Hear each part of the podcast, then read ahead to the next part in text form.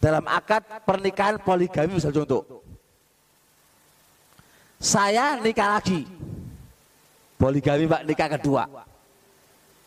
Udah deal, udah deal akadnya, selesai sudah. Seminggu setelahnya, seminggu setelahnya, mertua bilang, nak nikahmu gak sah. Paham ya? Praktekkan kok ida. Ini setelah nikah. Wis nikah, wis mari. Setelah lima hari, si mertua mendakwakan nikahmu gak sah. Saya jawab, gak iso pak.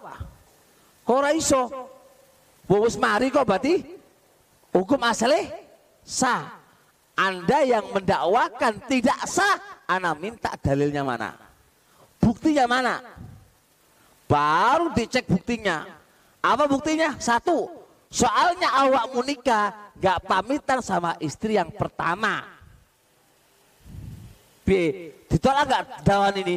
Oh enggak pak, gak syarat pak.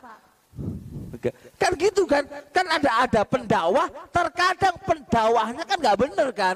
Kita tuh mana buktinya? Tunjukkan faktanya. Faktanya satu, karena kamu nggak izin sama istri kamu yang pertama. Kamu kedua-duanya nggak dipakai, nggak bisa dipakai, nggak sah. Tuh nggak, paham nggak ya? Gak bener, berarti gak bener ya, tetap sah karena nggak ada syarat harus laporan ke istri pertama dan nggak ada syarat harus laporan ke orang tua. Gak syarat tapi API nah laporan C. API kalau syarat gak syarat. Bagusnya laporan. Biar nanti orang tua nggak marah-marah. Kalau orang tua marah-marah repot malah durhaka repot malah. Makanya laporan aja. Dong? Jelas? Baik. Contoh kedua. Saya transaksi mobil, Pak. Transaksi mobil sudah oke okay dan sudah selesai akad. Syaratnya harus sudah selesai akad, Pak. Terus penjual mengatakan nggak sah jual beli kita. Lu kenapa? Nggak sah. Karena waktu kita transaksi itu pas azan kedua dari sholat Jumat.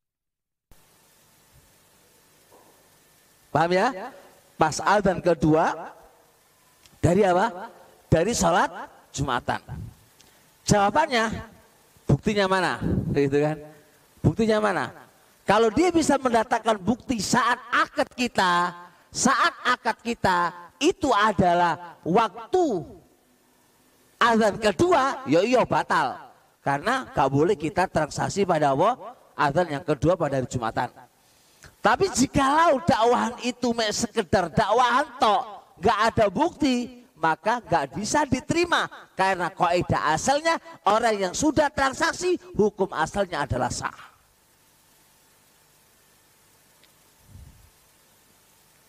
Bisa dipahami di sini? Dong lagi? Contoh kedua, contoh ketiga.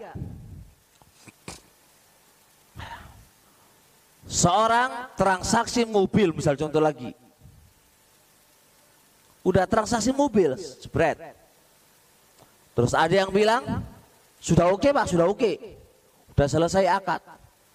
Ada yang bilang, batal transaksi kamu. Lu kenapa? Mobil itu digadekan. Mudeng ya?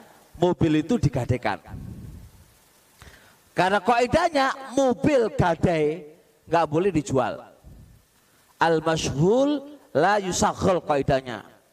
Suatu barang yang sudah disibukkan nggak boleh disibukkan dengan transaksi yang lain.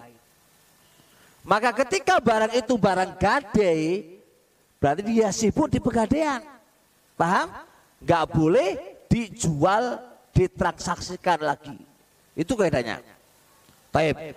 Dia mendakwakan mobil itu adalah barang gadai. Berarti transaksi kamu tidak sah Kenapa tidak sah? Karena mobil itu sudah masyhul, sudah disibukkan dengan sebuah transaksi akad, nggak boleh diakadkan lagi. Berarti transaksi ini nggak sah. Paham ya? Kita jawab, ntar pak, kita sudah akad, udah selesai akad. Maka kaidah asal adalah sah. dakwah bapak yang mengatakan bahwasanya mobil ini adalah mobil gadai, saya butuh bukti pak. Kalau nggak bisa mendatangkan bukti, tetap kami akan katakan sah. Kalau ada buktinya, maka bukti itu yang menjadi poin untuk pembatalan sebuah akad. Di krosek ternyata benar pak, mobil itu mobil apa Gade. Maka gimana transaksinya? Gak sah. Harus bukti dulu kalau enggak enggak.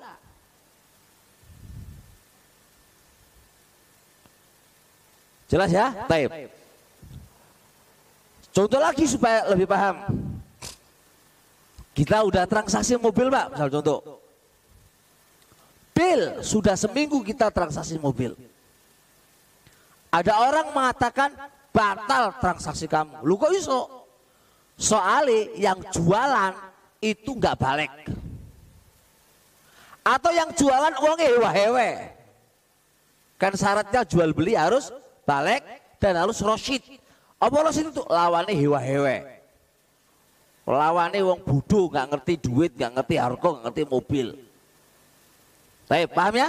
Lah kalaulah dakwah ini benar, memang nggak sah transaksi itu. Tapi ini kan dakwahan kan? Ini kan dakwahan. Maka kita krosek.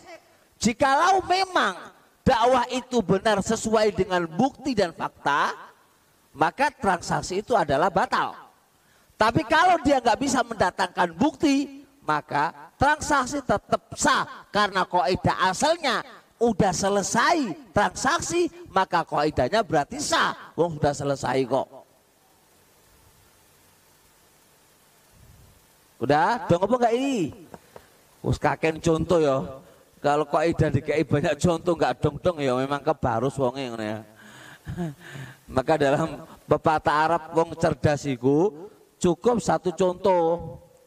Nah, karena kita itu terlalu cerdas, maka banyak contoh nggak dong-dong.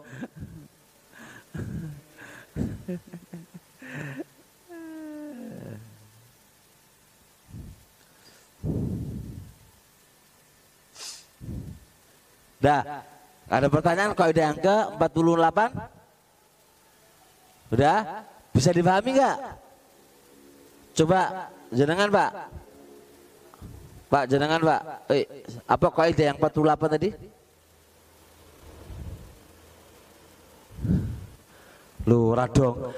Kaidah 48 tadi apa bunyinya?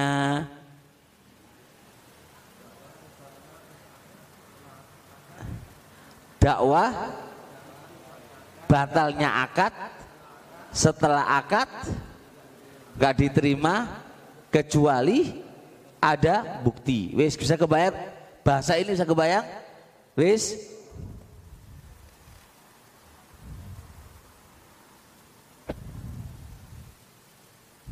Si. Contoh mas sama mas. Contoh sampean lo ya sampean nikah lagi. Oh. Nikahlah set, nikah sudah ya, nikah. Setelah sebulan ada yang bilang, "Mas, nikahmu itu nggak sah." Lah apa nggak sah? Bujumu iki umure gurung balik. Sama ndelek bojo gurung balik cari ini nggak sah. Padahal antum sudah akad. Pi coba sampean ngomongnya. Nu, mikir kan? Orang suka mikir lah mikir.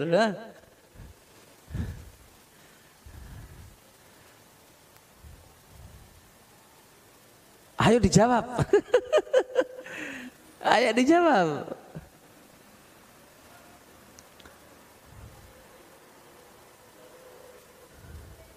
Mana si Hakam nggak ketemu? Tuh, ayah antum, adanya Abdullah. Nah, antum baru menikah tuh? Baru menikah tuh? Yes. Takdirnya kalau istri antum itu gurung balik, guys. Takdirnya maksudnya contoh doang. Lalu aku bilang, antum ya Abdullah, nikah kamu batal. Kalau ada kasus gini, antum jawabannya piye? Hah? Minta bukti. Ya udah, tanyain. Kalau andai kata ternyata dia itu belum balik, beneran gimana coba? Ternyata begitu, gimana coba? Gak sah. Sah. Kok bisa sah? Hah? Karena sudah diakad. Ya orang ngono lah. Tetap sah karena syarat nikah nggak mesti harus balik ngono lo nih. Walaupun istriku belum balik, no problem, gak ada masalah. Bener dakwahan kamu, bener nggak salah. Tapi pertanyaan kedua, apakah syarat nikah harus sudah balik? Nah ngono lo nih. Wah, diajak pinter kok biye zaman ini. Ini nih ngajak kita pinter, supaya kita pinter. Jadi antum ketika ada orang mendakwakan ke kamu, klaim kamu begini-begini, se se se se. Se se buktiin di, ngono loh. Saya gini. Siapa yang sudah ngaji lama? Udah ngaji lama belum ngaji salafi? Hah? Sudah lama? Berapa tahun? Hah? Lima tahun? Oke. Sekarang. Mas, aku ini, awakmu nggak salafi itu. Saya bilang kamu nggak salafi. Yo iyo, antum salafi katakan menurut antum salafi. Menurutku nggak salafi. Nah, gitu pinter. Aku minta keterangannya Ustadz.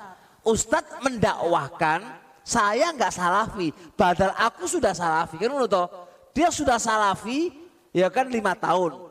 Berarti kan sudah tersaksi, udah ada transaksi. Oh suruh transaksi loh iki Iki transaksi ini, transaksi dia sudah salafi gitu kan. Terus saya batalkan kesalafiannya. Maka Anda harus butuh bukti. Buktinya kamu gak salafi karena kamu ngaji sama saya. Bi coba. Gak bisa diterima. Lo kok bisa?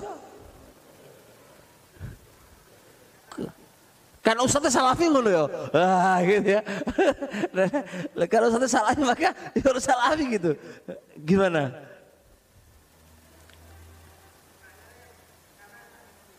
Iya. Oh gitu kan. Itu gak kurang-kurang ono. Karena ngaji sama ustadz bukan sebuah syarat aku menjadi salah salafi ngono loh. Iku lu enak. Jadi kalau ada digituin, kenapa kamu? Uh, kenapa kok nggak salafi? Anda nggak salafi karena nggak ngaji kepada ustadz ustadku. Ngono ya. Jawaban apakah syarat ngaji salah? Apakah syarat menjadi salafi adalah ngaji sama guru-guru kamu? Datangkan bukti dari dari Al-Quran, hadis dan akwal para ulama. Kalau syaratnya ngaji harus ngaji kepada guru-gurumu. Ngono loh, cerdas itu jawabannya. Jangan jangan jawabannya aku ngaji ke ustaz ya itu kurang cerdas. Langsung pukulan mati itu ke sebuah kecerdasan antum dibalik. Apakah syaratnya salafi adalah ngaji dengan guru-gurumu?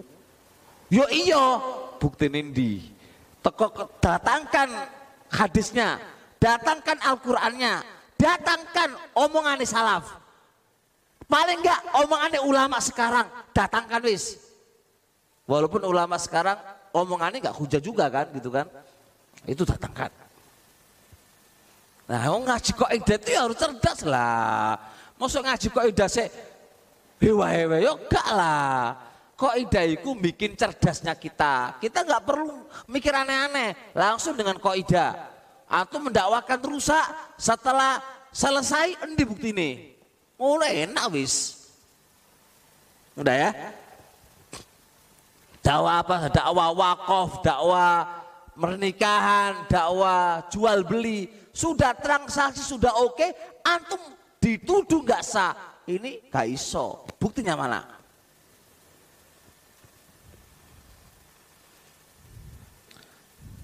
Dah? Lanjut? Paham? Kaidah yang ke-41. sembilan.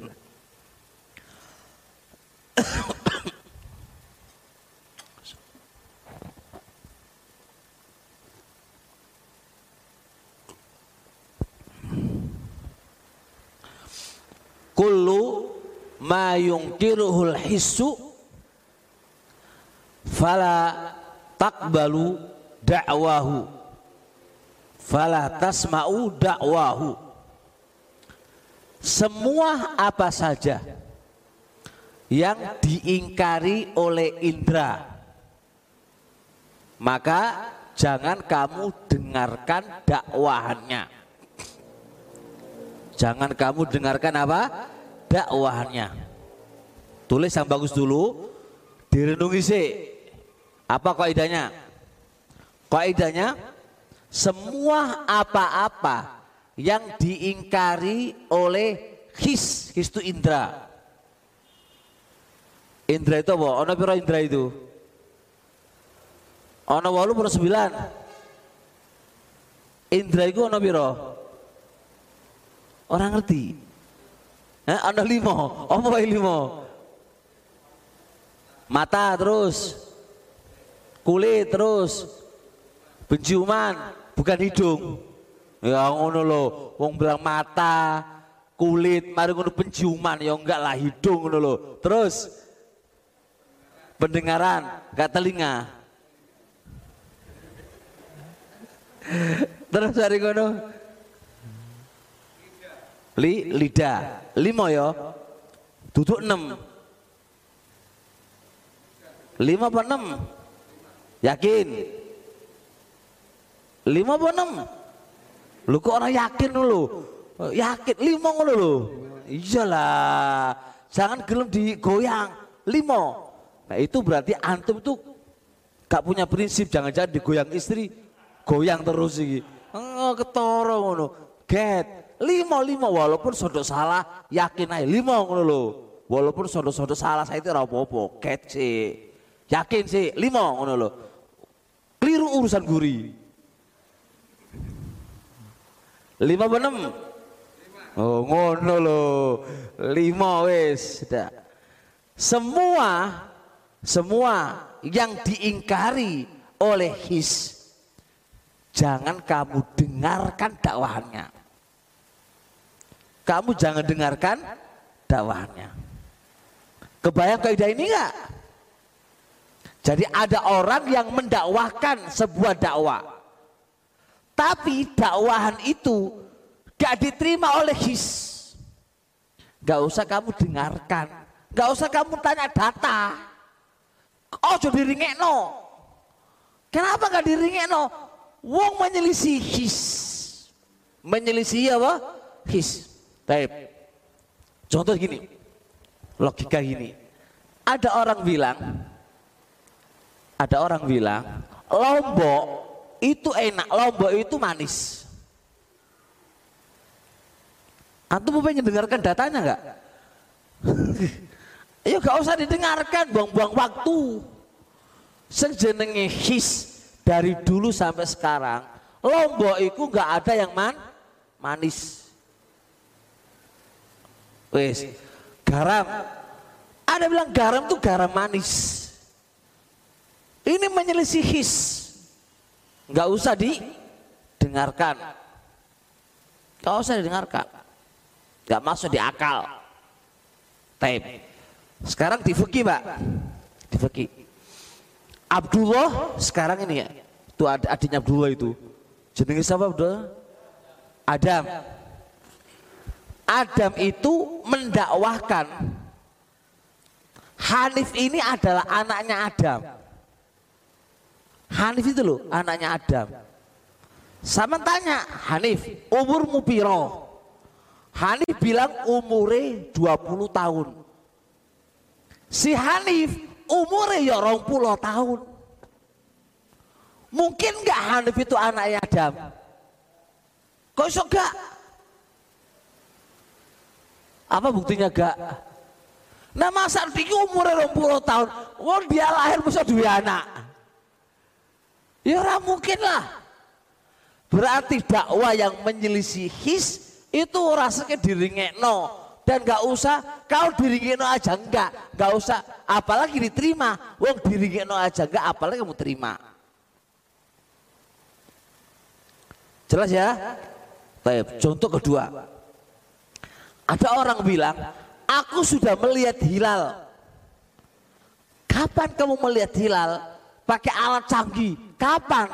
Jam 4 sore. Jam 4 sore pada tanggal 29 atau pada tanggal 29 ya. 30 kan wis habis. 29 aku melihat hilal. Alat ngopo? Alat canggih. Kamu terima nggak dakwah dia? Gak mungkin. Oh jadi dengarkan. Karena nggak mungkin hilal itu muncul kecuali apa? Ketika matahari ter terbenam baru muncul hilal. Iki jam papat, wes delok hilal, bohong. Nggak usah didengarkan dakwahnya. His-his itu nggak masuk di akal.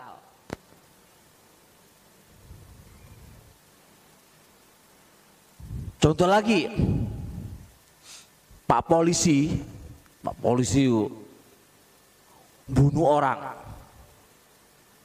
Bunuh orang. Contoh Pak, polisi kok bunuh orang juga lah. Tak ya bunuh orang yang salah salah soalnya. Bunuh orang yang layak dibunuh lah polisi kok. Polisi itu bunuh orang yang layak dibunuh. Kita tanya, bunuhnya di mana dan jam berapa? Wis, bunuhnya saya Ustadz itu di Lumajang. Jam piro dan hari apa? Hari ini dan saat ini. Padahal orang yang dibunuh itu dari tanggal itu dan jam itu itu ada di daerah Aceh. Berarti dakwahan Pak polisi itu benar salah? Gak usah didengarin ngawur. Karena kis gak bisa nerima pak. Lu kok usah tahu deh, baru masuk televisi kok.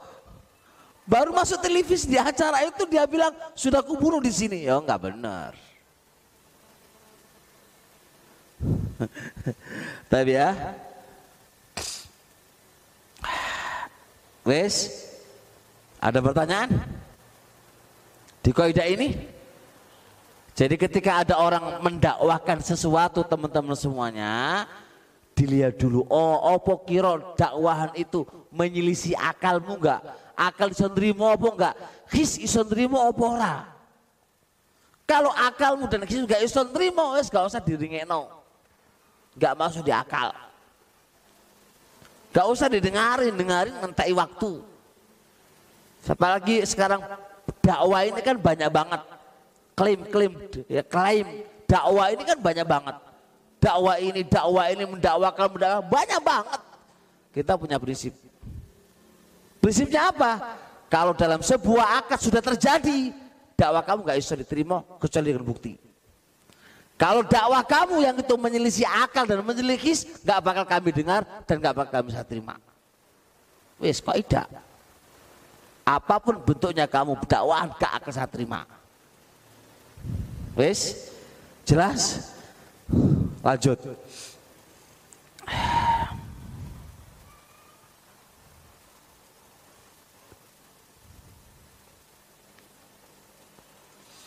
Kaidah yang ke-50.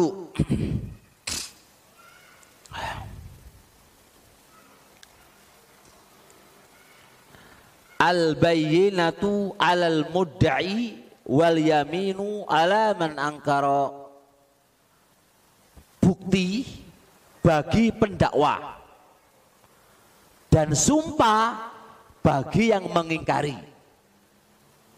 Berarti kan kaidahnya ini bukti bagi pendakwa dan sumpah bagi yang mengingkari. Kaidah ini Pak agung banget. Dan ini solusi dalam menghadapi banyak masalah solusi dalam menghadapi banyak masalah. Saya kasih contoh dalam bab utang piutang. Si. Hanif sama Adam. Contohnya mereka kenal Hanif sama Adam. sama Pak Polisi. Pak Polisi menuduh Hanif punya utang. Pak Polisi nuduh mendakwahkan Hanif punya hutang. Jari Hanif, oh enggak, saya enggak punya utang. Lihat Pak, terus pi kasus kayak gini. Jari polisi tak polisikan kamu. Wah, ya orang yang ngono. Iki hukum Islami pisi. Jadi ada pendakwah, ada yang mengingkari. Ada pendakwah, ada yang mengingkari. Pendakwah Pak Polisi mendakwahkan Hanif punya hutang. Jadi Hanif gak, aku rada hutang ke rawakmu. Atau Hanif sudah bilang sudah ku sauri. Wes, iku rame ku piye iki solusine? Solusine barakallahu fik, pendakwah datangkan bukti. Kalau bukti bisa diterima, berarti si sapa Si Hanif Atum berarti gurung bayar. Berarti Atum hutang. Kalau buktinya nggak iso diterima, dieyel sama dia itu nggak akurat. Anda bisa membantah, membantah bukti-bukti Anda bisa bantah. Ya wis bicara nih, antum bersumpah. Demi Allah saya nggak utang. Terus B udah lepas. Diserahkan ke Allah pengadilan di hari kiamat. Sopo iki besok diserahkan di hari kiamat. Itu hukum agama pak. Pendakwah mendatangkan bukti, buktinya nggak akurat, bisa dibantah oleh orang yang mengingkari. Maka orang mengingkari untuk membebaskan hutangnya dia dan tuduhan itu dia bersumpah demi Allah, saya tidak utang dan sudah saya bayar. Jelas? Setelah itu selesai, ya wis, nggak usah dibahas mana pak. Anda juga, anda juga nggak usah menuduh lagi, wis mari urusane, tinggal kita serahkan di pengadilan akhirat.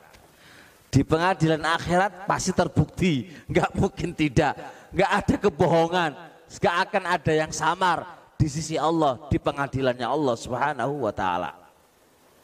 Jelas itu? Itu hukumnya Allah, Pak. Dan itu syariatnya Allah. Jadi kita tidak boleh apa? Boleh ngeyel mana? Gak, gak, gak, aku gak nerimo. Kalau sampai gak nerimo dengan hukumnya Allah, maka anda kena ayat wa maka nali mu'minin wala mu'minatin idza qallallahu wa rasuluhu amran ayyakuna laumul khiyaratu min amrihim. Nggak sepantasnya bagi laki-laki bagi kaum mukmin laki-laki dan bagi kaum mukminah wanita. Ketika Allah dan Rasulnya sudah memutuskan sesuatu Anda masih punya pilihan yang lain. Punya pilihan yang lain orang pantas apa mana ragu apa mana menolak fala wa rabbika la yu'minuna hatta yuhaqqimuka fi ma syajara bainahum thumma la yajidu fi anfusihim harajan mimma qadaita wa yusallimu taslima. Demi Allah tidak akan mereka dianggap beriman sampai mereka berhukum dengan engkau ya Rasulullah.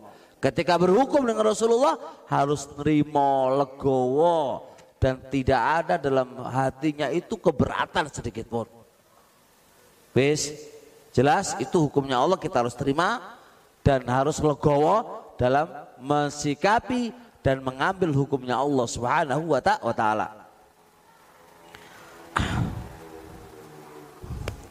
Terusnya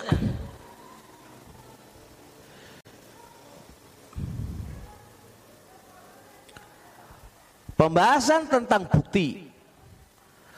Bukti itu bisa berbentuk saksi. Bukti itu bisa berbentuk saksi dan bisa berbentuk dengan korina-korina. Keadaan-keadaan yang mendukungnya.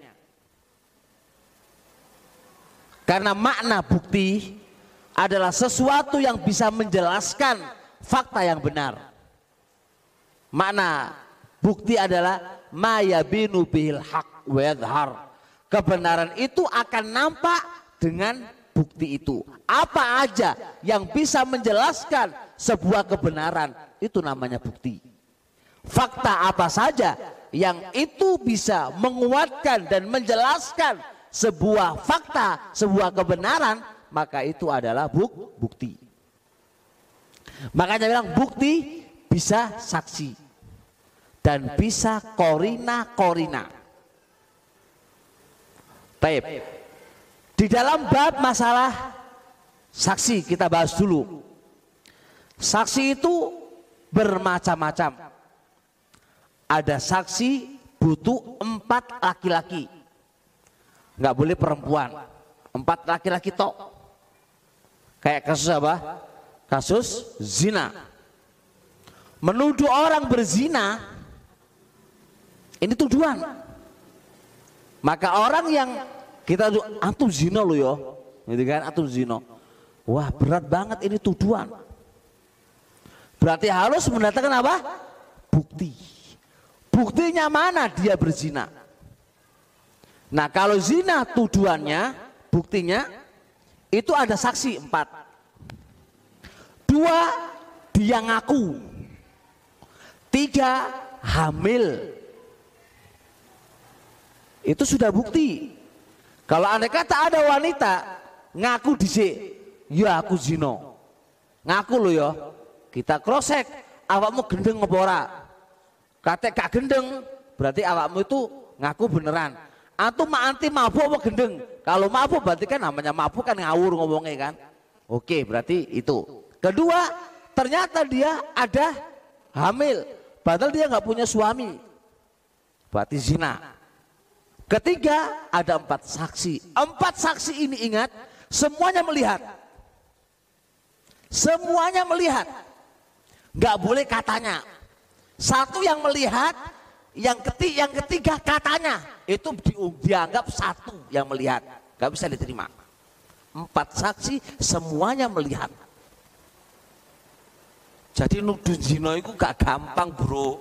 Oh, kok kayak kok nuduh nuduh zina itu biye dan melihatnya harus zakar masuk ke wanita miliknya wanita. Nggak boleh. Apa yang kamu lihat? Keduanya telanjang gak iso. Gak iso. Tanya satu-satu. Apa kamu lihat? Lihat. Lihat saya. Lihatnya gimana? Saya lihatnya uh, baru telanjang tanya yang kedua. Anda melihatnya? Iya. Saya melihatnya uh, baru cium-ciuman. Ketiga Iya, aku melihatnya. Melihatnya gimana? Melihatnya uh, mau masuk. Keempat, ya saya melihatnya sudah masuk. Maka ini yang dianggap satu. Tiga ini nggak dianggap. Karena apa? Karena orang telanjang belum mesti zina. Paham ya? Orang yang cucu belum mesti zina. Orang yang sudah mau masuk belum belum belum mesti masuk. Kok iso? Iso ugo? Iso ugo apa? Ada ular gak jadi masuk. Loh iyalah. Lah ini ini kenapa kok dipersempit dalam masalah penuduhan? Karena ini haknya, karena ini apa? Kehormatan seorang muslimah dan seorang muslim harus benar-benar jelas mata mereka itu melihat. Di video seorang memvideo, satu orang memvideo, video dikatakan oleh para ulama gak dianggap. Karena video bisa di sebuah kebohong, kebohongan. Harus melihat dengan mata. Masya Allah itu saksi pak penuduhan, hati-hati. Para ulama juga memasukkan kasus dengan zina adalah kasus lewat, lesbi. Dimasukkan, kita nggak boleh menuduh si A berbuat lewat. Kecuali harus datangkan empat saksi. Dan empat saksi ini harus empat saksi yang adil. Nggak pelaku maksiat. Kalau empat yang melihat tapi gak sholat gak diterima pak. Walaupun mata mereka gak diterima apa pun sholat. Jadi adil ini masya Allah. Ismana adil. Adil itu malakatun tahmilu ala mulazamati taqwa wa khawabir muru'a. Apa itu adil? Dia memiliki sesuatu yang bisa menjaga dirinya untuk tidak jatuh dalam kemaksiatan kepada Allah dan tidak jatuh apa-apa yang dianggap jelek oleh sebuah oleh suatu masyarakat. Berarti dia punya tameng. Supaya tameng ini membiasakan dia untuk takwa kepada Allah dan menjaga dirinya untuk tidak dihukumi jelek dikarenakan jatuh dalam perkara-perkara yang dianggap jelek oleh masyarakat. Oh, ulama ngasih definisi adil itu luar biasa. Awal dewek mau kelbu adil apa ora. Eh, moga-moga masuk lah kan. Karena kita punya sesuatu yang sesuatu itu mengajak kita terus untuk takwa kepada Allah. Kita kalau tak kalau maksiat agak anu lah, maksudnya kita walaupun kita jatuh pada maksiat, tapi ghalibnya kita adalah orang-orang yang taat kepada Allah Subhanahu dan kita akui bahwa maksiat adalah sebuah kejelekan dan kalau kita dinasihatin itu sebuah kejelekan dan maksiat kita bertobat kepada Allah Subhanahu wa taala. Maka ini adalah sifatnya orang-orang yang adil dan takwa kepada Allah Subhanahu wa taala. Jelas ini Nah, jadi empat saksi. Dan kedua,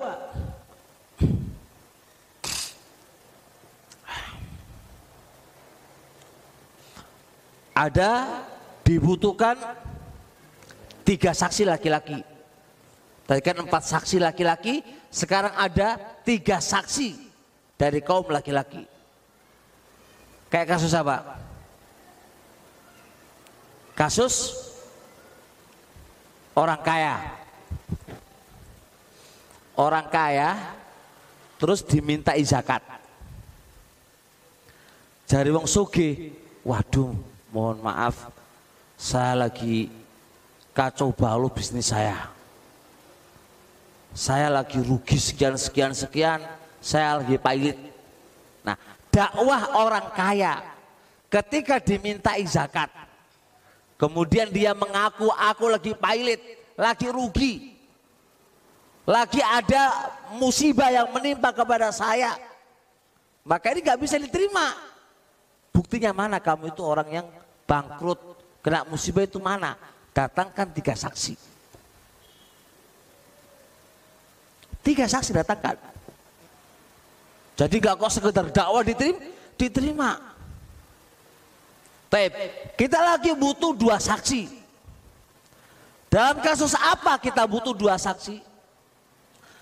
ulama menyebutkan dalam kasus babul had selain zina. Babul had selain zina, kayak pencurian. Anda menuduh si A mencuri. Anda menuduh si A mencuri. Harus dipotong tangan. Ulama ngasih syarat. Harus datangkan bukti apa buktinya? Di antara buktinya adalah saksi. Berapa saksinya? Dua. Saksinya berapa? Dua. Taib. Di sana lagi ada saksi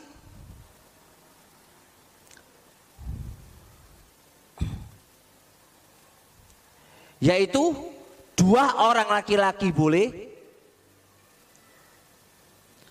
dan boleh satu laki-laki dan dua perempuan dan boleh satu laki-laki dengan sumpah pendakwa. Sumpahnya pendakwa. Ini penting ya kawan, tolong dicatat. Ini saksi ini butuh berapa-berapanya ini penting. Jadi yang ke terus tadi dua orang laki-laki, paham? Atau satu orang laki-laki dengan dua wanita. Satu laki-laki, dua wanita. Atau satu laki-laki dan sumpahnya pendakwa. sumpahnya pendakwa. Satu laki-laki dengan sumpahnya pendakwa. Berarti dihukum berapa ini? Dihukumi dua semuanya kan? Dua. Cuma ini beda dengan sebelumnya. Kalau sebelumnya dua orang laki-laki tok. Kalau ini kasusnya bisa dua orang laki-laki, satu laki-laki, dua wanita. Dua loh ya. Karena wanita itu persaksiannya apa? Hah? Dua wanita satu laki-laki. Tapi hanya dipakai pada kasus ini. Gak boleh yang lain. Gak boleh yang lain. Ini banyak teman atau banyak komus memahami. Memang wanita itu persaksiannya satu banding dua. Tapi nggak boleh dimutrakan. Zina berarti kalau perempuan yang lihat nggak, nggak oleh. Nggak iso. Harus laki-laki yang adil. Perempuan nggak bisa masuk. Paham ya? Jadi peletakan saksi perempuan itu bisa masuk hanya pada kasus ini tok. Paham ya? Dua orang laki-laki, satu laki-laki dengan dua wanita atau satu laki-laki dengan sumpahnya pendakwa. Ini dalam kasus apa ini? Dalam kasus kayak ini barang gadai si A wajib membayar domana, denda, si B siapa yang layak menanggung masa menanggung anak kafala. Dalam bab ini dalam bab gadai misal contoh ada bilang ini adalah barang gadai. Dakwah ini barang gadai harus memerlukan dua saksi laki-laki. Atau laki-laki dengan dua wanita. Atau satu laki-laki dengan apa?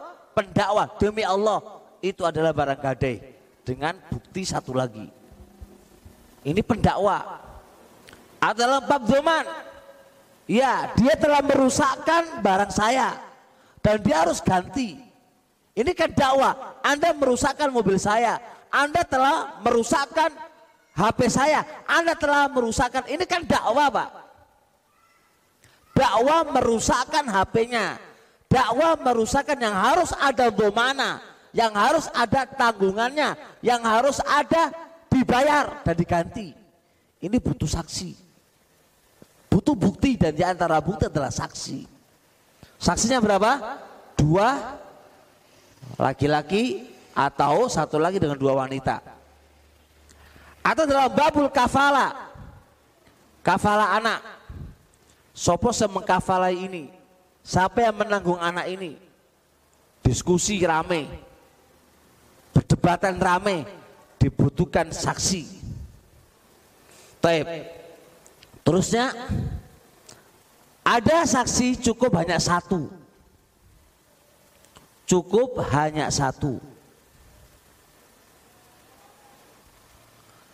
Cukup hanya satu. Dan ini bisa laki-laki dan bisa perempuan. Yaitu kapan ini? Hanya satu kok bisa pada perkara yang tidak tahu kecuali hanya wanita. Pada perkara yang tidak tahu kecuali hanya wanita. Koyok perihal menyusui. Ada perempuan mendakwahkan Hanif sama Fatimah itu anak susuin. Fatimah itu istrinya Hanif. Ada seorang wanita, satu wanita mendakwahkan Hanif sama Fatimah itu saudara sesusu. Faham gak ini? Nah, ini pendakwa dibutuhkan apa? Saksi. Saksinya berapa? Cukup satu orang saja, laki-laki atau perempuan. Nah, itu namanya saksi. Saksi ini ditetapkan oleh syariat. Allah Rasulnya menetapkan saksi ini. Jelas insya Allah ya Nah.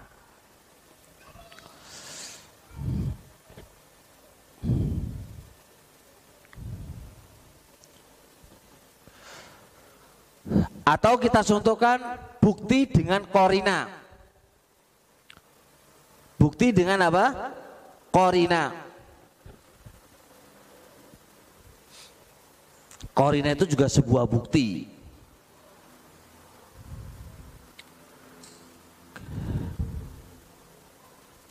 Kayak apa? Korina banyak. Korina itu bisa berbentuk adat istiadat. Suami istri lagi cerai. Tengkaran rebutan barang-barang dapur atau barang rumah tangga. Suami bilang iki milikku. Kata istri ini milikku. Sering terjadi nggak gitu itu? Hanif terjadi masalah sama keluarganya, talakan. Talak tiga wis mari wisan. Atau talak satu tapi sudah selesai masa idahnya. Berarti bukan istri suami lagi. Hanif mau ngambil kipas angin tak gua mulai. Kipas angin. Jari istri, oh coba mulai, aku teku. Jari Hanif teku. Ya kan? Kata si istri, aku beli dari duit yang dikasih oleh orang tua saya. Kata Hanif, enggak, ikut teku. Duitku dewi. Nah, bukti saksi nggak ada semuanya, nggak ada semuanya bukti. Nggak ada bukti, Pak. Dia juga main sekitar klaim, ini juga klaim, nggak ada bukti, Pak. Kalau ada bukti jelas, ini lihat notanya, nih lihat notanya. Kan sudah jelas kan, ini nggak ada semuanya. Maka sih korina, apa korina? Kebiasaan nih, wong sing tuku kipas angin itu suami atau istri? Hah? Duitnya siapa? Bojo duitnya suami. Nah kita pakai korina, korina adat istiadat. Seng biasa nih yang punya duit siapa?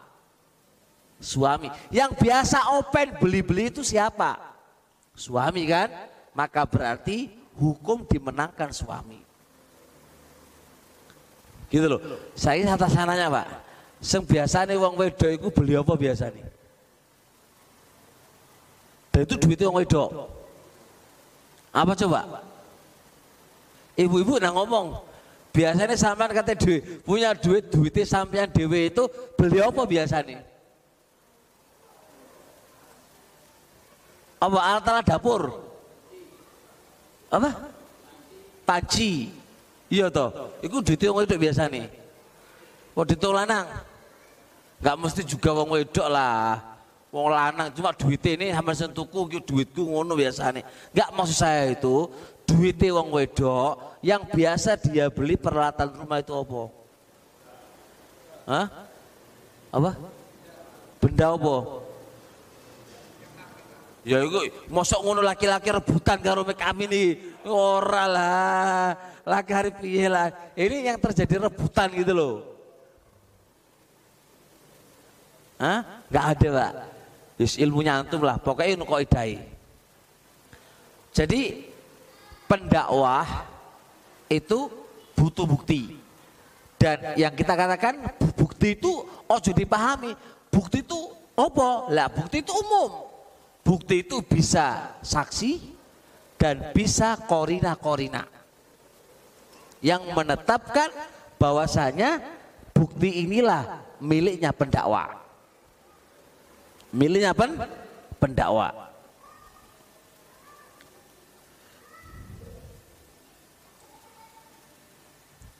Udah mau maghrib? Kurang berapa menit? Sudah cukup? Tape. Yang punya pertanyaan tolong disiapkan apa aja yang butuh ditanyakan. Insya Allah kita akan jawab di pelajaran setelah isya ya. Setelah maghrib, Gih, monggo setelah maghrib. Sampai di sini insya Allah. 10 menit istirahat sih lah 10 menit wudu wudu atau apa Taib. Subhanakallahumma hamdik asyhadu alla ilaha anta astaghfiruka wa atubu ilaik. Assalamualaikum warahmatullahi wabarakatuh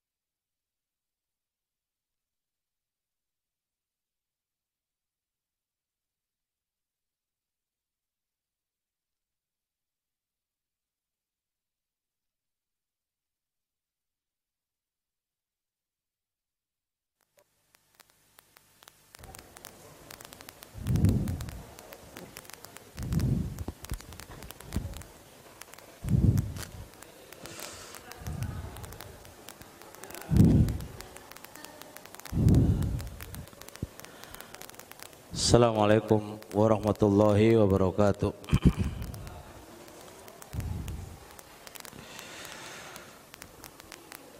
Hamdalillah hamdan katsiran thayyiban mubarakan fihi kama yuhibbu rabbuna wa yarda. Asyhadu an la ilaha illallah wahdahu la syarikalah wa asyhadu anna Muhammadan abduhu wa rasuluhu la nabiyya ba'dah. Teman-teman semuanya yang dirahmati oleh Allah Subhanahu wa taala. Uh,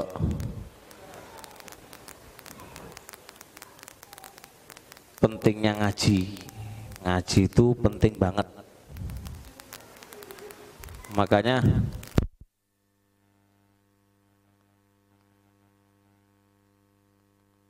bisa ditinggalkan. Karena ngaji tinggalkanlah soalnya apa Ibnul Jauzi rahimallahu taala dalam kitab beliau Talbisu Iblis perangkap pertama iblis menggunakan perangkapnya itu adalah gimana caranya kita itu bodoh tentang agama kita. Gimana caranya pokoknya? Anda itu dibikin sibuk apalah apalah pokoknya piye carane Anda itu gak hadir di majelis ilmu piye carane mereka kita kita semuanya itu bodoh tentang agamanya. Kenapa? Karena bodoh itu kadzulmi seperti kegelapan. Ilmu itu kan nuri seperti cahaya. Kalau kita sudah bodoh tentang agama kita berarti gelap. Orang yang gelap itu mudah diapa-apain. Iya kan? Mau dipukul, mau disaduk, mau diapain gampang, mau nggak ada cahaya kok. Nggak ada cahaya. Makanya beda dengan terang. Kalau terang ada musuh mukul kamu, kamu bisa tangkis, bisa lari, bisa gimana bisa karena terang jelas. Pukulannya dari mana gampang atau bisa tangkis. Tapi kalau gelap, sedangkan musuh kamu itu matanya lihat kamu, Sedangkan kamu gak bisa melihat musuhmu. Ya kan? Gak gampang tuh musuh mukulin kamu. Gampang banget. Tapi kalau Anda itu punya ilmu, belajar, maka Anda punya cahaya. Cahaya itulah benteng bagi Anda untuk menangkal setan. Dan lebih-lebih saya nasihatkan ke teman-teman yang memegang yayasan Jangan sampai satu dari kalian yang diada di yayasan nggak nggak ada di majelis ilmu. Jangan sampai itu nanti bumerang. Muncul masalah dari orang yang nggak ngaji. Makanya hendaknya ngaji karena kalau satuan yayasan itu sak ketua sa anggota itu ngaji semuanya, insya Allah luwe aman dari perangkap setan.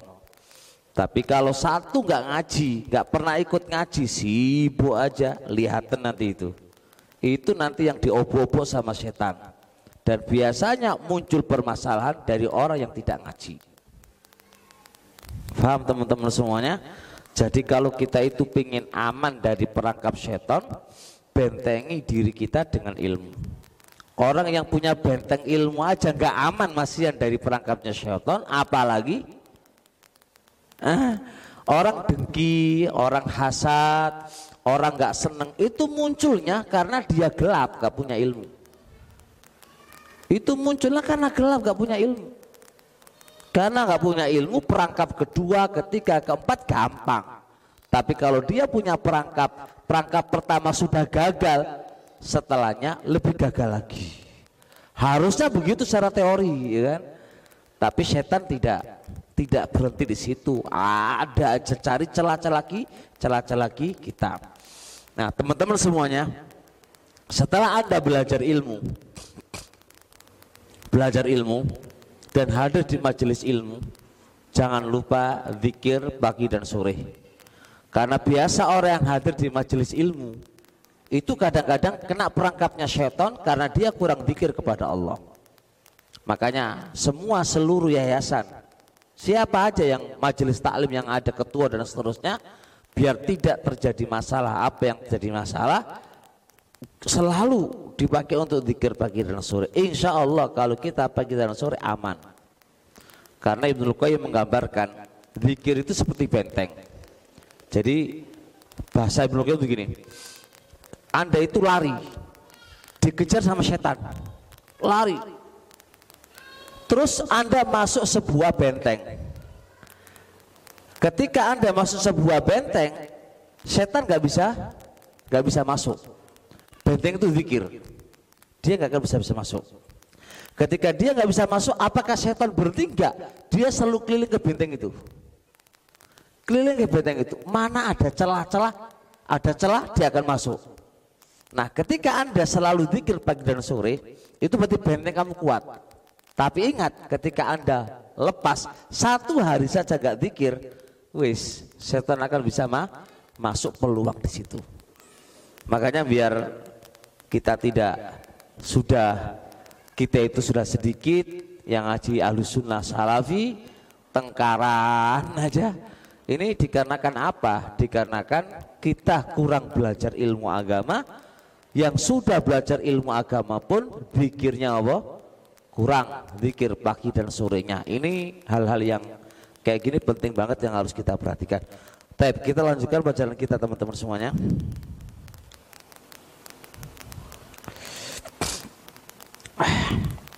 Kaidah yang 51. Pahami dengan baik kaidah yang 51.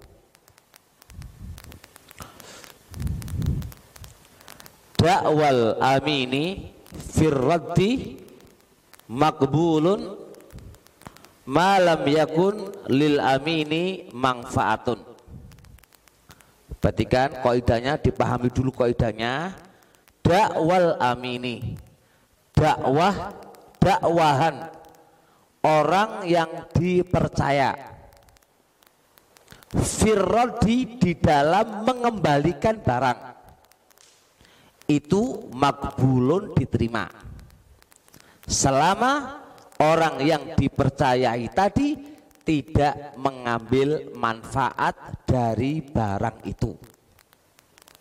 Anak ulang, direnungkan kaidahnya. Dakwah orang yang dipercaya di dalam mengembalikan barang itu diterima. Selama orang yang dipercaya tadi tidak mengambil manfaat kepada barang tadi.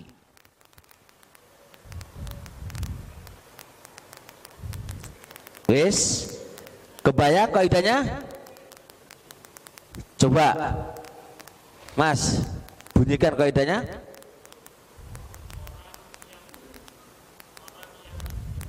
Hmm? Diterima.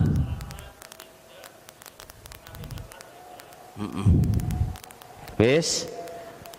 Dah. Hanif, Pak Polisi, coba diulang kaidahnya.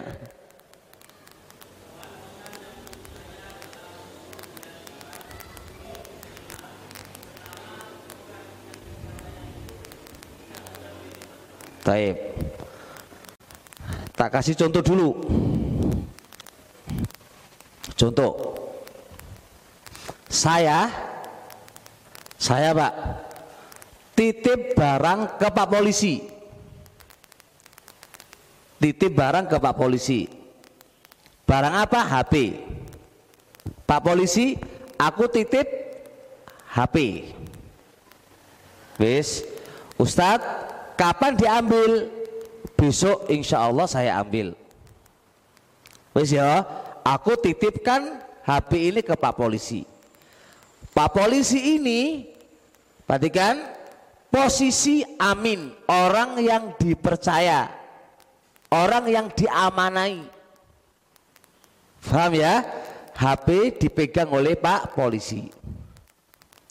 Dan ingat, Pak polisi tidak menggunakan HP sama sekali. Ini poin pertama, dia nggak menggunakan HP sama sekali. Pokoknya HP tak titipkan kepada Pak Polisi dan Pak Polisi nggak make HP itu sama sekali. Paham? Taib. Hari H, hari H atau saya lupa se seminggu yang akan datang saya datang ke Pak Polisi. Pak Polisi HP mana? Kata Pak Polisi sudah saya kembalikan. Kata saya belum. Kata saya belum.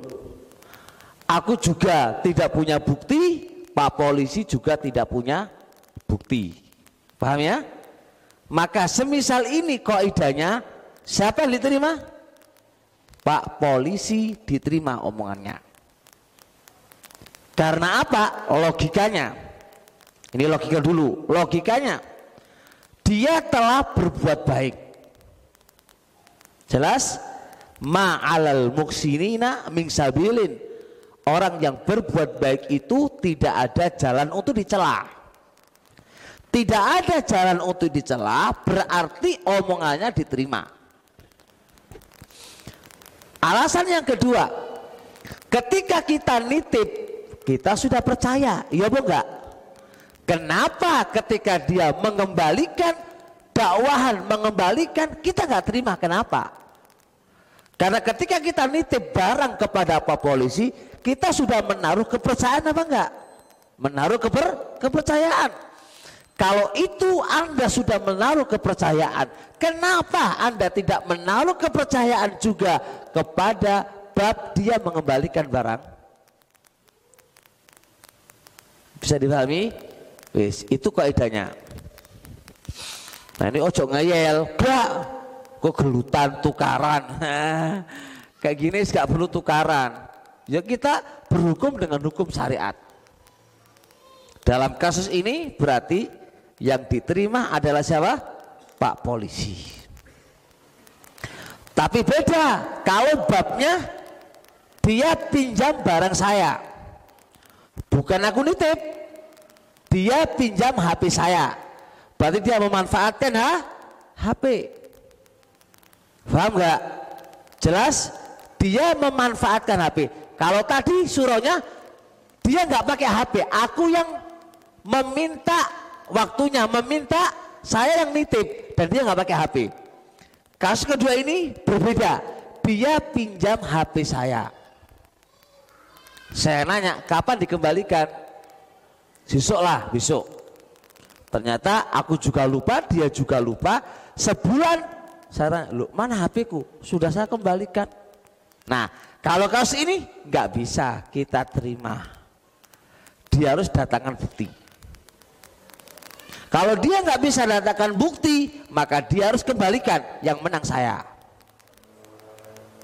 Bedakan kalau bab pertama dia nggak ngambil manfaat. Bab kedua dia mengambil manfaat. Bisa dipahami? Hei, Pak Murai. Hah? Contoh lagi. Contoh mana? Masya Allah.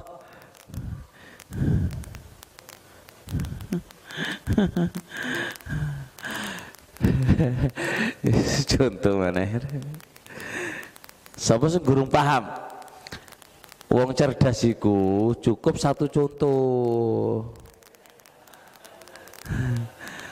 Wong di atas cerdas itu butuh beberapa contoh. Yes, ini seringnya teman-teman semuanya di bab titipan. Wis, saya aku nitip sepeda motor ke Anda. Khotam. Aku nitip sepeda motor ke Khotam. Wis yo, nitip tok Khotam orang nilai, aku nitip. Udah?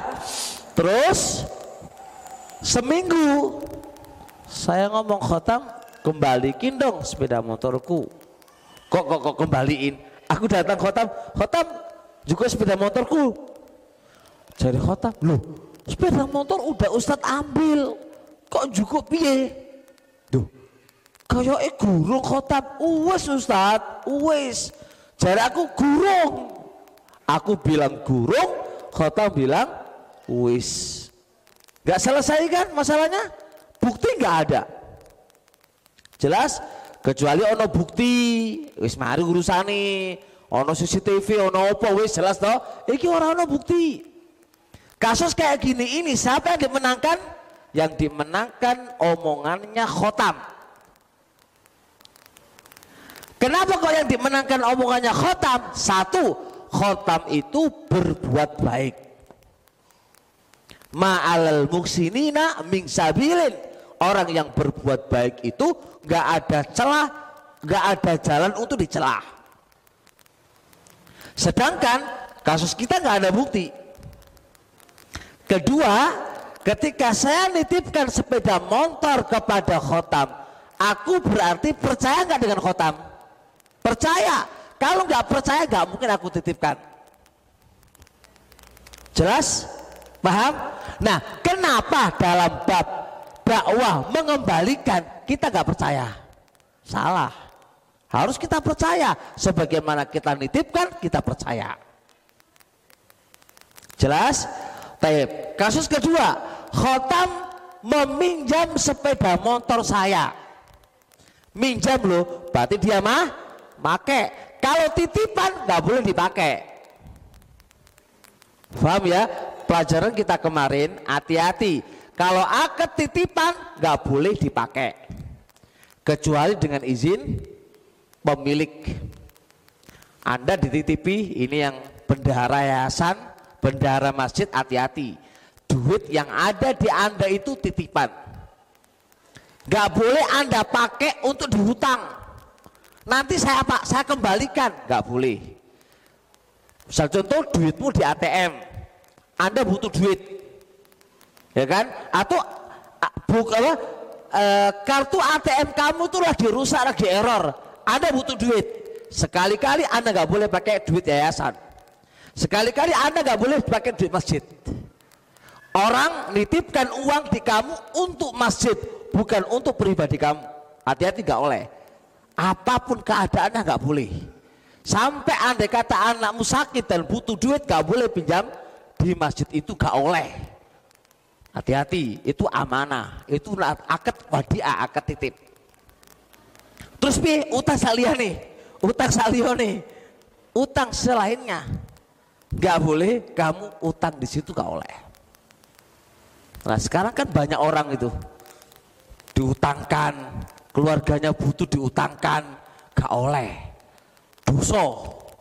Anda memakai barang bukan di atas izinnya pemilik barang. Lo aku lo ketuanya, Anda jadi ketua, Anda jadi ketua itu untuk apa? Anda gak punya duit, Anda dititipi. Aku jadi takmir. Takmirku apa? Anda nggak punya hak untuk menggunakan uang itu. Karena takmir bukannya apa-apa pada uang itu.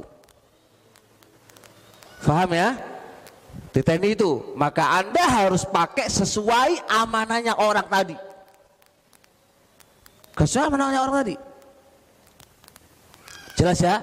Jangankan itu. Antum dititipi duit Aku tolong titip kamu ke Surabaya, aku titip duit beliin kitab ini ini, tak kasih sejuta. Akadnya akad titip. Ternyata antum butuh makan, butuh beli bensin, tak juga isek tuku beli bensin, engkau tak ganti, gak oleh.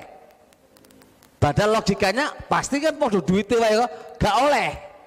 Karena duit itu bukan duitmu, duit orang lain. Nanti tak ganti itu podo karo akadnya bukan itu antum utang duit itu lagi kalau utang berarti apa harus telepon orang orangnya. Telepon sih itu namanya akad wadiah dan akad utang piutang beda. Berat loh. Makanya oh kok wah enak jadi takmir jadi bendahara. Berat banget itu tapi harus didukung. Makanya minta kepada Allah untuk bisa menjalankan tugas yang berat dan tugas yang mulia ini. Ya, donasi-donasi itu juga hati-hati karena itu semua adalah akad titipan. Anda hanya sekedar dititipi dan akan diberikan kepada orang yang akan ditunaikan sesuai dengan akad titipan itu.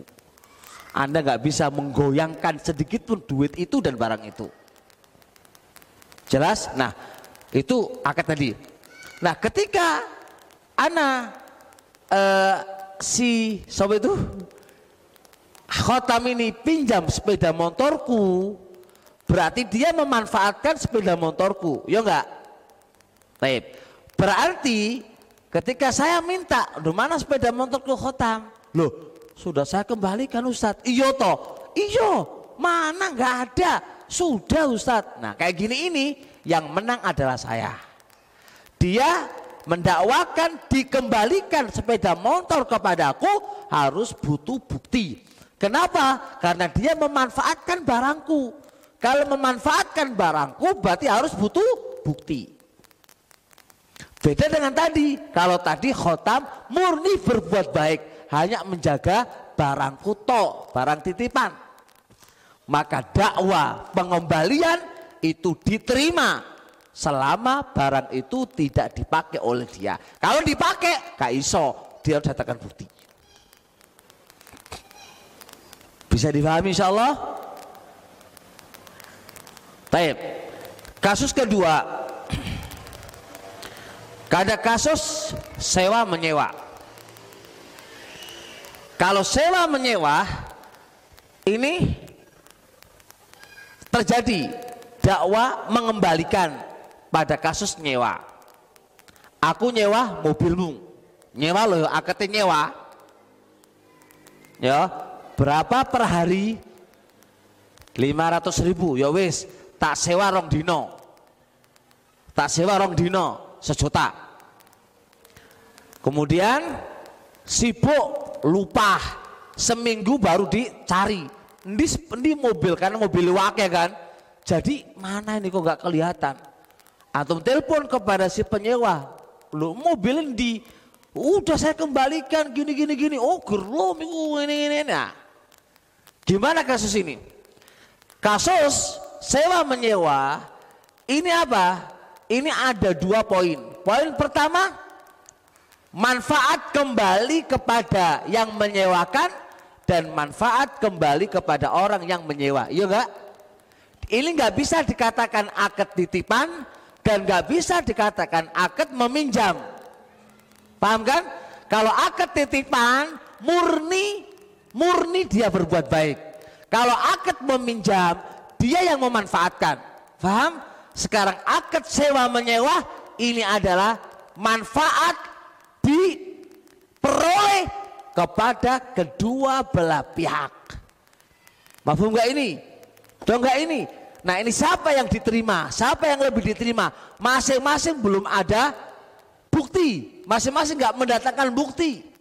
Siapa yang diterima kayak gini ini? Ini khilaf empat pendapat di antara para ulama.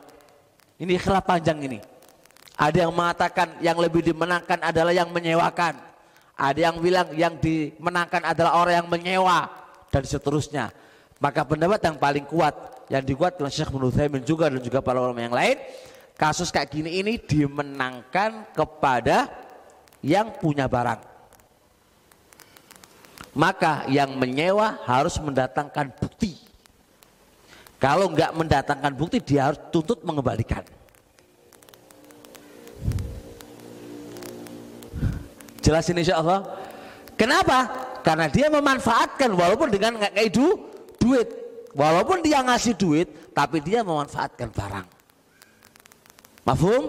Maka dia yang harus didatangkan buktinya mana kalau Anda udah mengembalikan barang ini.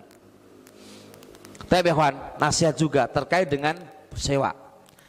Anda kalau nyewa mobil, maka sesuai dengan akad itu disewa. Jangan nyewa mobil dipakai untuk belajar. Kan ada orang kan nyewa mobil untuk belajar. Belajar nyetir, tak gimana nyetir gak oleh. Tak gimana nyetir gak oleh. Kok iso gak oleh? Lah yo akad lo antum itu nyewa. Yang namanya nyewa otomatis yang nyupir adalah orang yang bisa nyu, nyupir dan untuk tujuannya ke Surabaya misal contoh nggak boleh sisa dari waktu itu Anda pakai anakmu atau saudara kamu untuk belajar nyetir itu gak oleh. Itu mengambil hak yang bukan haknya. Kan ada orang gitu daripada belajar nyetir di mobilnya orang, mobil apa? Nyewa mobil itu loh, penyetiran mahal regane, wis enak. Nyewa mobil rong atau sewu satu hari digiwi apa? Belajar nyetir sampai iso. Iki salah, iki tidak sesuai dengan akad. Anda dolim. Faham insyaallah ya Baik. Anda nyewa mobil, mari ngono nyewa, Anda sewakan ke orang lain. Oleh apa? Oleh apa sing ngomong gak oleh, sing ngomong oleh. Itu itu sapa iku? Angga apa angge iku? Hah? Apa? Oga ya? Ongga. Ongga. Soka. Hah? Koka, ayo koka. oleh? Kok iso gak oleh? Karena dia bukan pemiliknya Santa. Gurung dudu teh kok disewakan ke orang lain lu piye?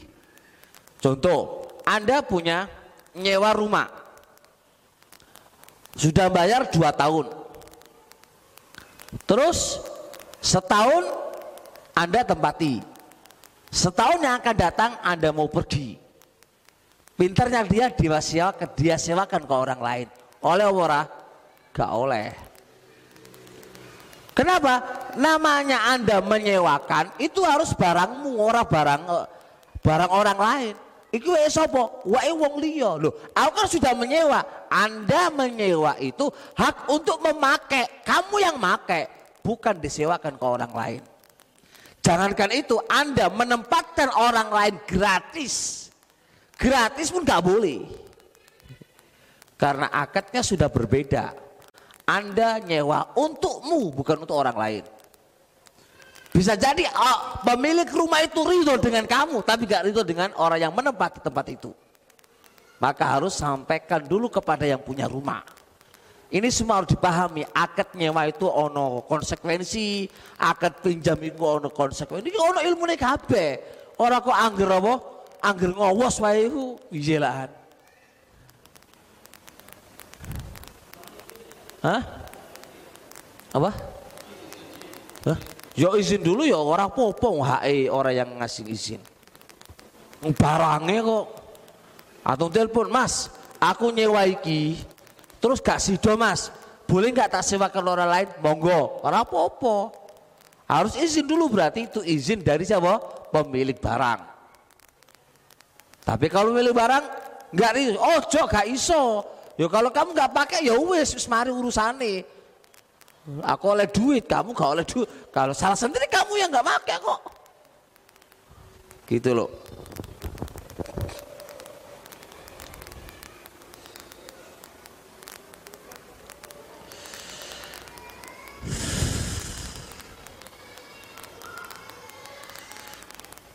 Udah bisa dipahami nih?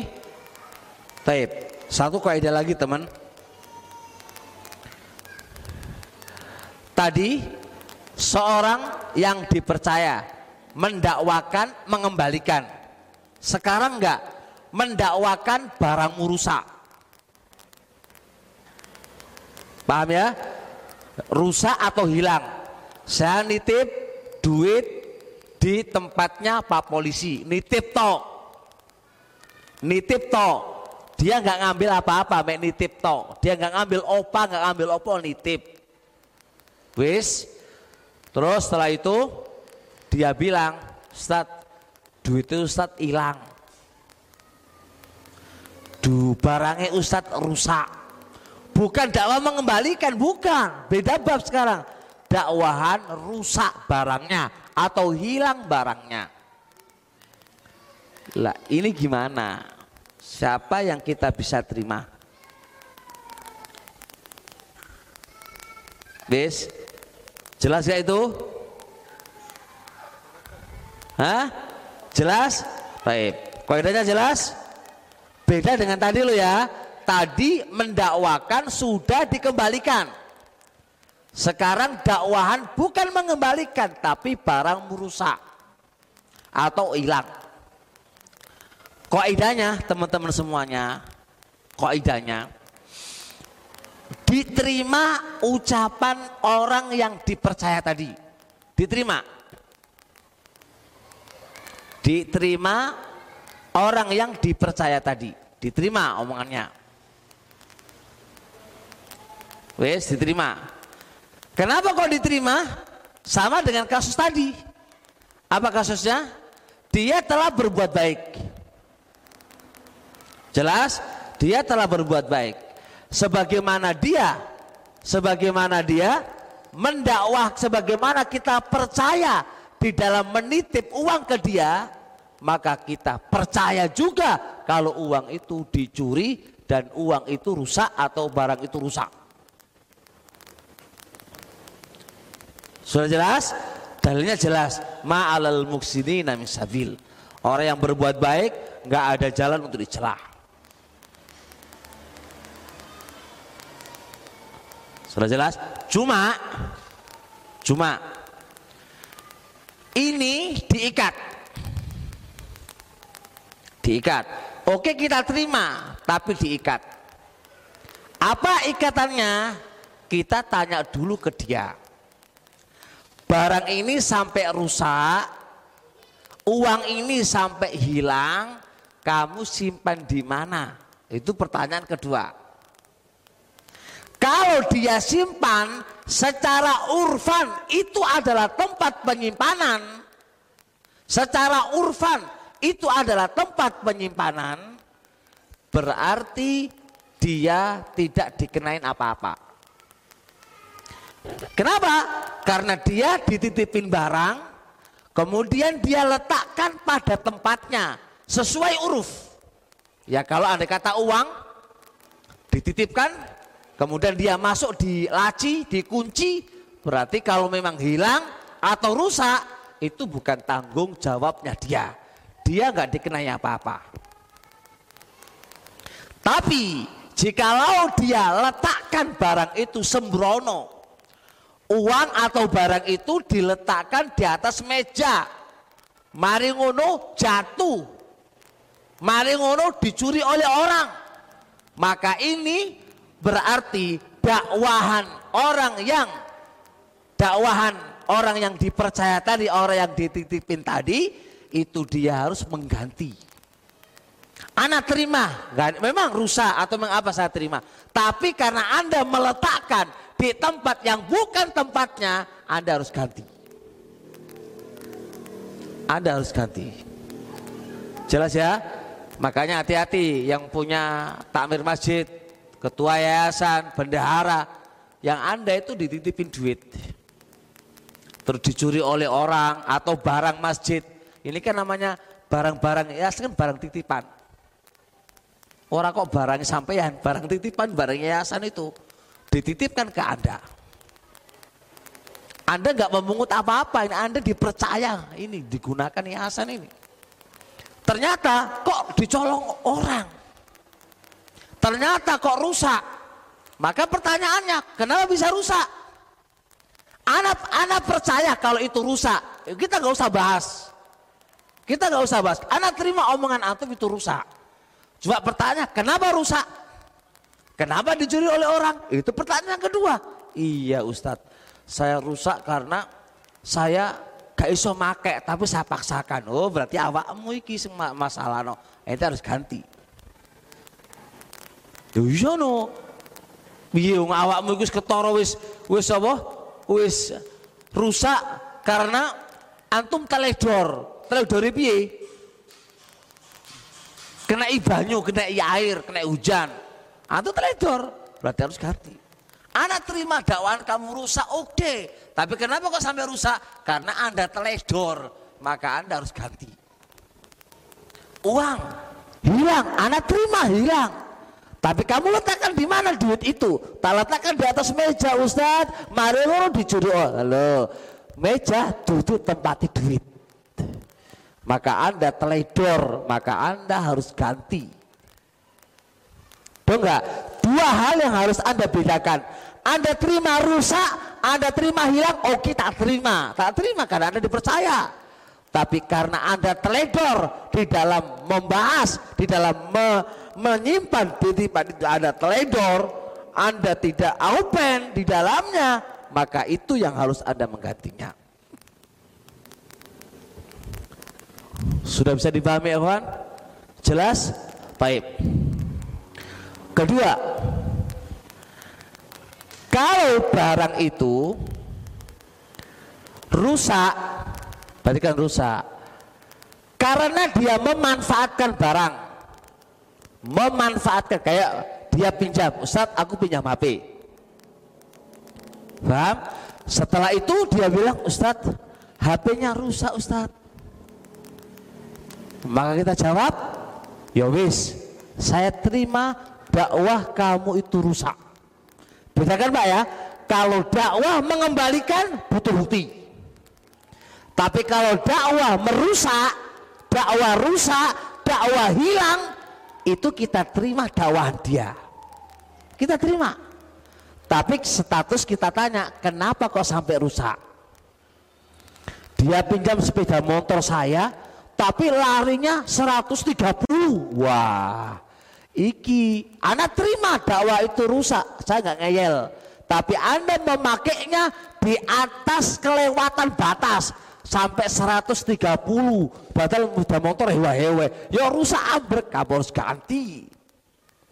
Atau sepeda motor yang seharusnya normalnya itu dipakai dua orang dinaikin. Ini dinaikin lima orang sehingga bocor sepeda motornya. Eh apa? E, bannya. Maka ada harus ganti. Baik. Tapi kalau antum punya sepeda motor, tapi antum normal, pelan-pelan, nyantai, santai aja. Terus antum bilang telepon, waduh mesinnya rusak, waduh apalagi bannya bocor, siapa yang ganti? Pemilik sepeda motor itu yang apa? Yang apa? Yang yang membiayai yang ganti, orang kok yang yang pinjam. Selama yang pinjam itu makainya tapi Indonesia kan enggak. Ya kalau kalau wah ban ya tambah no ya ditambah no lah itu kan. Itu karena dia berbuat baik. Kalau kok tidak asalnya ya enggak lah.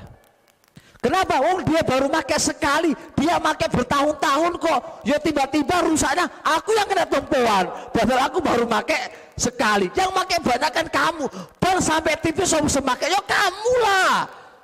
Kamu yang pakai lah. Ya enggak?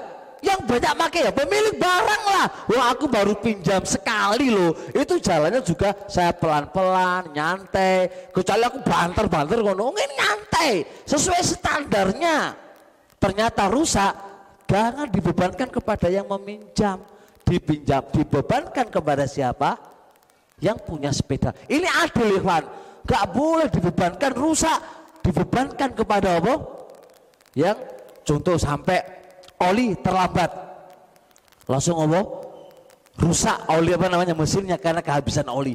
Gak iso kamu, kamu yang pinjam harus yang apa?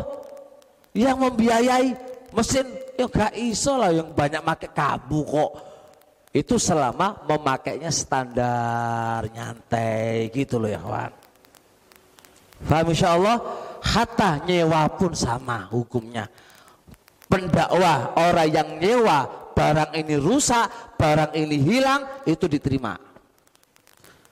Faham? Tinggal pertanyaannya kamu letakkan di mana? Kok bisa rusak?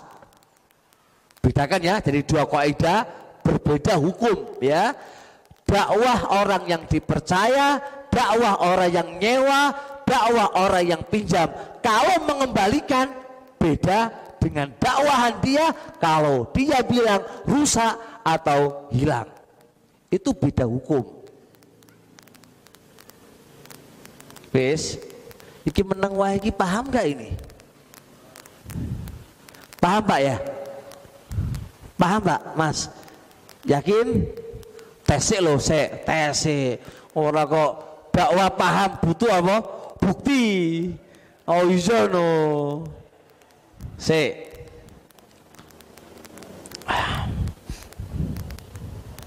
tes yo tes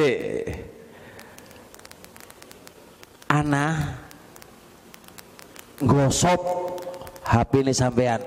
Gosop gosop itu ngambil tanpa izin tapi nanti dikembalikan.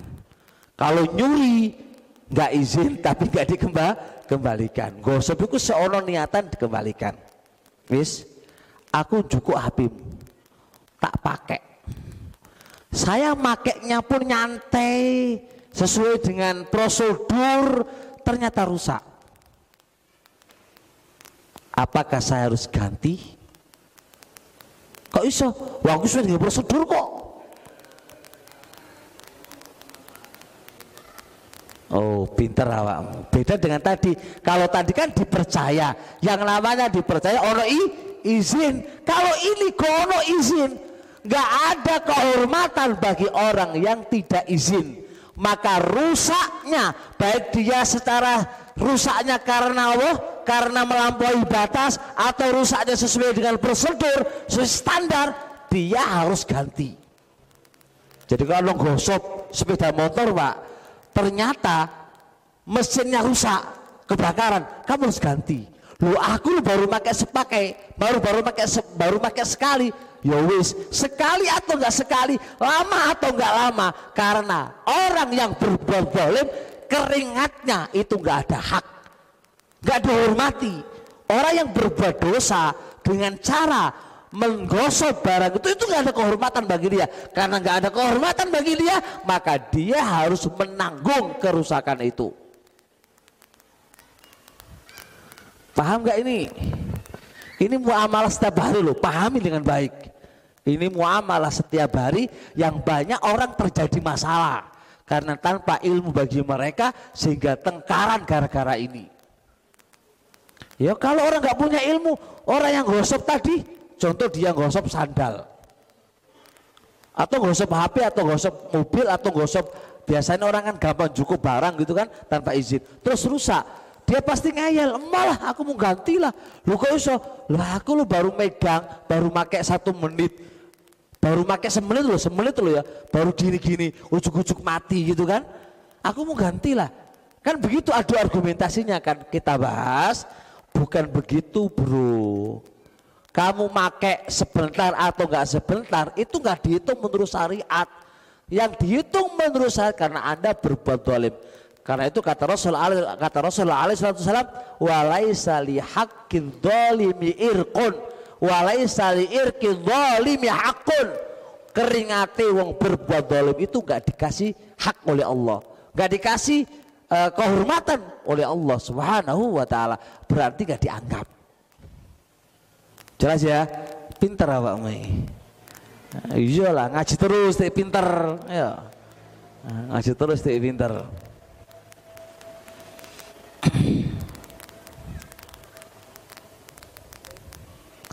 Kemudian seterusnya kita gabungkan dengan kaidah sebelumnya. Dakwah hilang, dakwah rusak. Tetap diikat kalau nggak menyelisihi his. Ada bilang begini, barang titipanmu kebakaran. Sudah azan mas? Sudah azan? Ya wis. Ini ini nanti dari nanti gak lupa pak. Kalau lupa malah repot nanti. Sedikit juga ya. Sedikit lagi, lima menit. Tape. Pembahasan tadi, jikalau dia mendakwahkan barang hilang, barang rusak, itu diikat kalau dakwahan itu nggak menyelisih akal dan nggak menyelisih his. Contoh, bendahara bilang, aduh, duitnya titipannya hilang eh Kok iso hilang? Karena semalam ada kebakaran. Ya kan? Kita lihat, bener nggak itu kebakaran? Oh, maya orang kebakaran yang namanya kebakaran itu ono ono ono tilae lagi ono tilae berarti dakwah kamu gak usah terima contoh lagi waduh semalam ada hujan deras terus kemudian hilang. Sik to sik to iki dibuktine wong mosok hujannya kok iso ngilang nopo berkas ngilang no duit ngilang nopo wes gak iso diterima. Maka dakwah hilang atau dakwah rusak itu diikat lagi selama tidak menyelisih his dan menyelisih a, akal. Sebagaimana pelajaran kita kemar kemarin eh, kok kemarin? Baru baru asar ta, asar tadi harus diikat ke sana. Kalau enggak ruwet nanti itu. Ruwet nanti.